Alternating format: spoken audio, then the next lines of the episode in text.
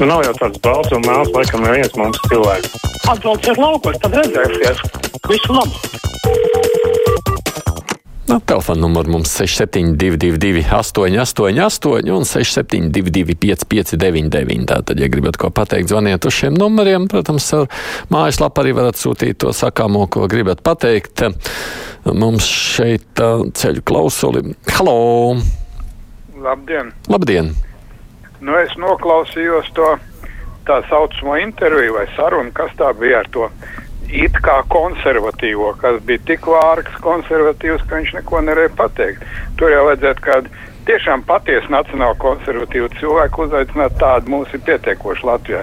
Bet jūs izcēlāties arī ar lielu demagoģiju. Kā var salīdzināt kaut kādus nelikumīgos un nelegālos noziedzniekus bēgļus ar cilvēkiem, kas Eiropas Savienībā pārvietojas likumīgi? Nu, tas ir slikti, bet viņi likumīgi pārvietojās Zviedrija neizdeva bēgļus, bet viņi izdeva leģionārus. Saprotiet, tas jau viņiem, uz viņiem ir liels straips, bet tur jau vēl jāizpēta, kas tie tādi, kas viņus izdeva. Paldies! Mm -hmm.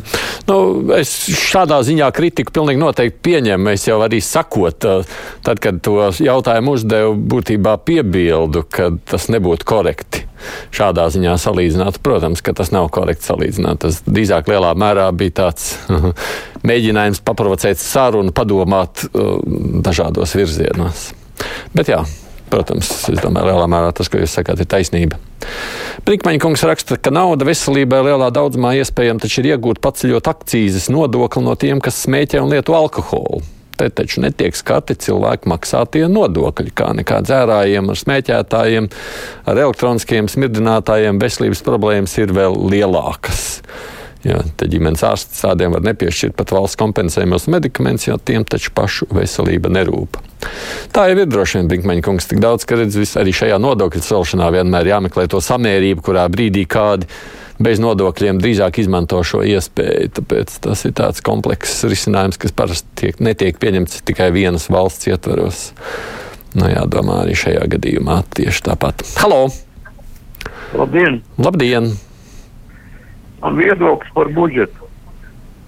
Jā. Mūsu valstī ir 500 tūkstoši privātu sektorā strādājuši.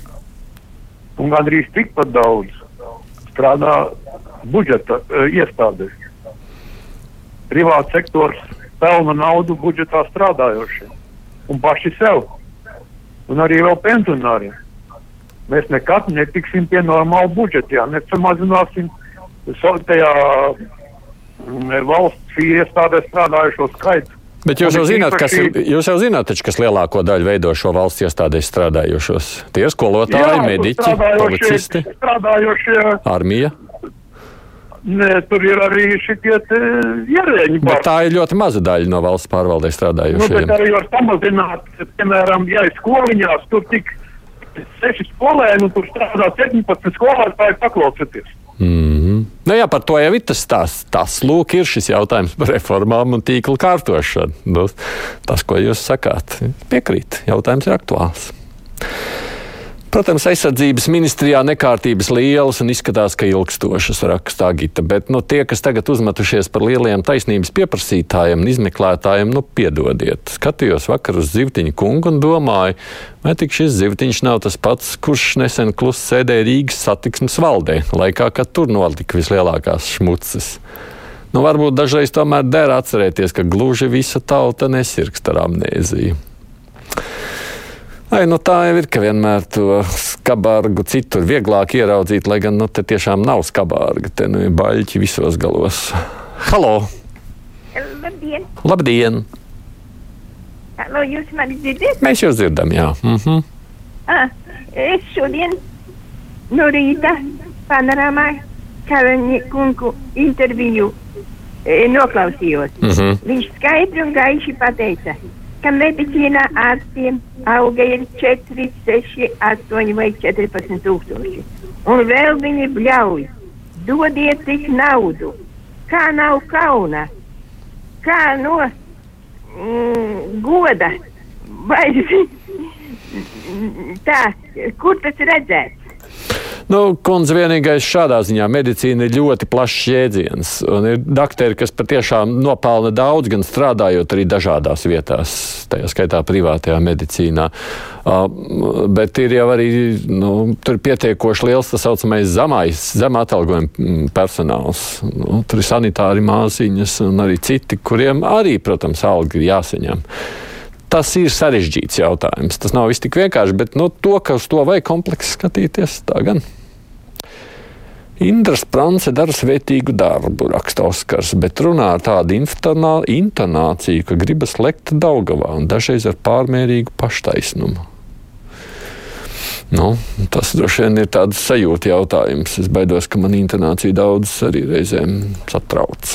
Halo! Labdien! Labdien! Brīvais mikrofons? Jā, brīvais mikrofons. Mhm. Es lūdzu, gribu tā, vai Latvija ir Amerika, ka uh, Aeroflot Latvijam Mārtiņam uh, Gausam maksā 70 tūkstošu algu. Un kas to šitā mums Latvija ieteica? Vairāk vīki atbraukusi visiem kungiem, visiem priekšniekiem, kam ceļā strādā, visiem liels valsts, nabagu vajag, vergu vajag Latvijai. Ja? Mm. Vairāk ne, ne, nepateikšu. Vairāk. No, no vienas puses jautājums par algu atšķirībām starp zemo un augst, augšējo galu patiešām ir aktuāls. Es jums piekrītu. Vai tas ir korekti? Jā, es pieļauju, ka ne jau jūs vienīgā tā domājat. No otras puses, protams, rēķinamies, ka tāds Air Baltica jau nestrādā Latvijas tirgu. Tas ir starptautiskais tirgus, un tur, diemžēl, arī citas algu prasības jārēķinās arī ar šo. Tikko izdzirdu pirmo cīruli, raksta mums Māra. Pie mums gan daudz vēl sniega, un arī pēc vakardienas spēļķis daudz, bet tik patīkams pārsteigums. Un Māra piebilst, ka viņas var prēļu pusē. Nu, redz, cik jauki. Halo! Labdien! Labdien! Kad Lauskas kundze ierosina, ka vajag noņemt no pensionāriem mums pensija ir. Mēs esam visnabadzīgākie. Mums pensija ir no apmēram 400-450 eiro. Ja vēl jāsamaksā komunālie nodokļi, tad mums kādi 50 eiro paliek pāri ēšanai. No kur jūs secinājāt, ka Kozlovskas kundze ko tādu rosina? Ko, Kozlovskas kundze pa televīziju teica. Ko viņa teica? Ka vajag noņemt no pensionāriem. Ka vajag noņemt pensionāriem naudu, jā, pensijas samazināt. Jā, jā, jā. jā. Baidos, ka es nebūšu dzirdējis neko tādu. Protams, ja mēs runājam par sociālo budžetu sadali, tas ir jautājums par to, cik medicīnai vai veselības aprūpēji un cik uh, pensijām, jo šobrīd jau sociālais budžets nu, tiek sadalīts. Nu, vai to vajag pārdalīt?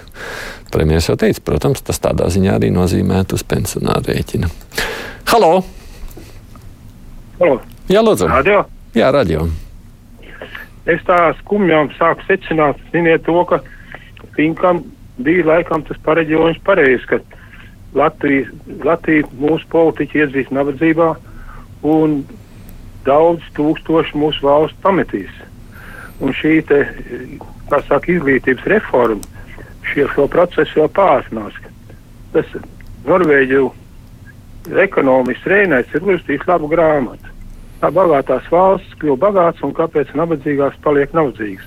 Un tur mazliet viņa arī bija minēta par Latviju, kad Latvijā vai perifērijā veidot darbvietas, kas ražo produktu ar augstu pievienoto vērtību. Ja? Un otra lieta, ka vajag skatīties, kā dara bagātās valsts. Ja? Un te ir tāds labs piemērs mūsu televīzijas provinces raidījums, man liekas, 18. gada decembrī vai novembrī bija runāja par kurzemes e, te, tehniskā, tehnisko skolu, augstskolu, tehnisko, tehnisko tehnikumiem. Ja? Un šajā sarunā piedalījās cilvēks, kas bija bijis Šveicē. Vietā, kur dzīvo 300 cilvēki un skola, kur mācās 30 bērni. Un viņiem prasīja, vai nav pa dārgu. Un viņi teica tā, ziniet, mums svarīgi, lai šeit dzīvo cilvēki. Man liekas, ka mēs to momentu palaidām garām. Nu, re, te nu ir tie divi dažādie pretie viedokļi. Sakot, mums vajag uzturēt ļoti dārgu izglītības sistēmu, un lai ir tomēr tie 17 skolotāji uz 12 bērniem, kā jūs sakāt, jo ir svarīgi, lai tur dzīvo cilvēki. Vai izglītības uh, sistēma ir tā, kurai, š, ar kuru var atrisināt šādā veidā valsts izmiršanu vai saglabāšanos? Tas ir Nu, es pieļauju, ka mums būtu diezgan interesanta diskusija. Bet es jau saprotu, ka šad un tad mēs arī kruspunktā par to runājam.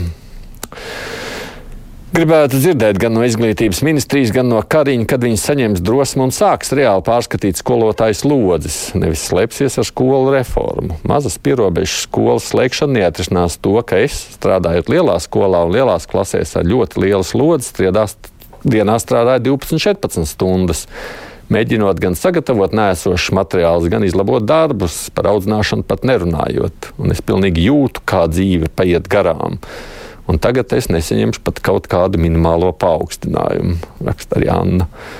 Tas kā šī diskusija par skolu tīklu un to, kā tas ietekmē mūsu algas, ir interesanta un svarīga. Halo! Labdien! Labdien! Labdien. Es ierosinu ar solidaritātes nodokli aplikt Latvijas gāzes un Latvijas energo peļņu. Tas būtu ļoti svētīgs darbs, jo mūsu iedzīvotājs jau šie monopolisti aplaupa. Tad vismaz valsts aizsardzībai kaut kas drusku tiks. Paldies! Nu, Latvijas gāze būtu viens stāsts, jo tas ir privāts. Savukārt, ne plata energo, nu, tur jau tā pēļņa, ko jūs domājat ar nodokli. Valsts jau saņem to, savāc to pēļņu, aizmirst, cik lielu procentu, nu, lielāko daļu no visas pēļņas budžetā ieliek. Tajā skaitā jūs minētajā aizsardzībā. Tā kā tādā ziņā tas jau arī šobrīd tiek darīts. Es pievienojos klausītājas domai, raksta Ingars, un saku, ka nav kā, tad nav kauna tomēr skolotājiem un mediķiem prasīt vēl lielākas algas. Tās viņiem ir jau lielas. Man, invalīdam, jāiztiek ar 150 eiro mēnesī, drīz iemācīšos dzīvot ar 15 eiro, un es nemaz negaudoju. Lūk, tā iet mūsu valstī, saka Ingars. Tā ir viss salīdzinājumā, redz, tā sanāk. Halo! Labdien, Tomson kungs. Labdien! Man ir 73. mūža gads, es saņemu pensiju 473 eiro. Vakardien raidījumā krustpunktā, kas Valskas kundze ar Circenes kundze runāja un teica, ka ir griežusies pie Sīriņas kundzes, lai piešķirtu miljonu 400, kas tur piešķirts pensionāriem, lai pārskaita viņai. Un Kaļņa kungs tam nepiekrita. Kā jau šodien teica pilsone, ka tur Karin teica, cik lielas pensijas saņem ārsti, tā ir tiešām patiesība. Kauns, kauns vēlreiz. Arī tāpat es dzīvoju, sastapos ar dakteriem, kuri nevarēja man iztaisīt roku pārsiešanu pēc operācijas. Pie pieciem kabinetiem staigāja, neviena māsīņa nevarēja to izdarīt. Kur jums tur nav bārdam vietas? Dakteriem Jā, nu jāsaīsina, bet, nu, redziet, mēs visi droši vien vienā katlā šeit nesaliksim. Bet paldies, ka rakstījāt, zvanījāt. Interesanti dzirdēt, ko jūs katrs piedzīvojuši. Ziņas pēc tam mums šeit diskusija.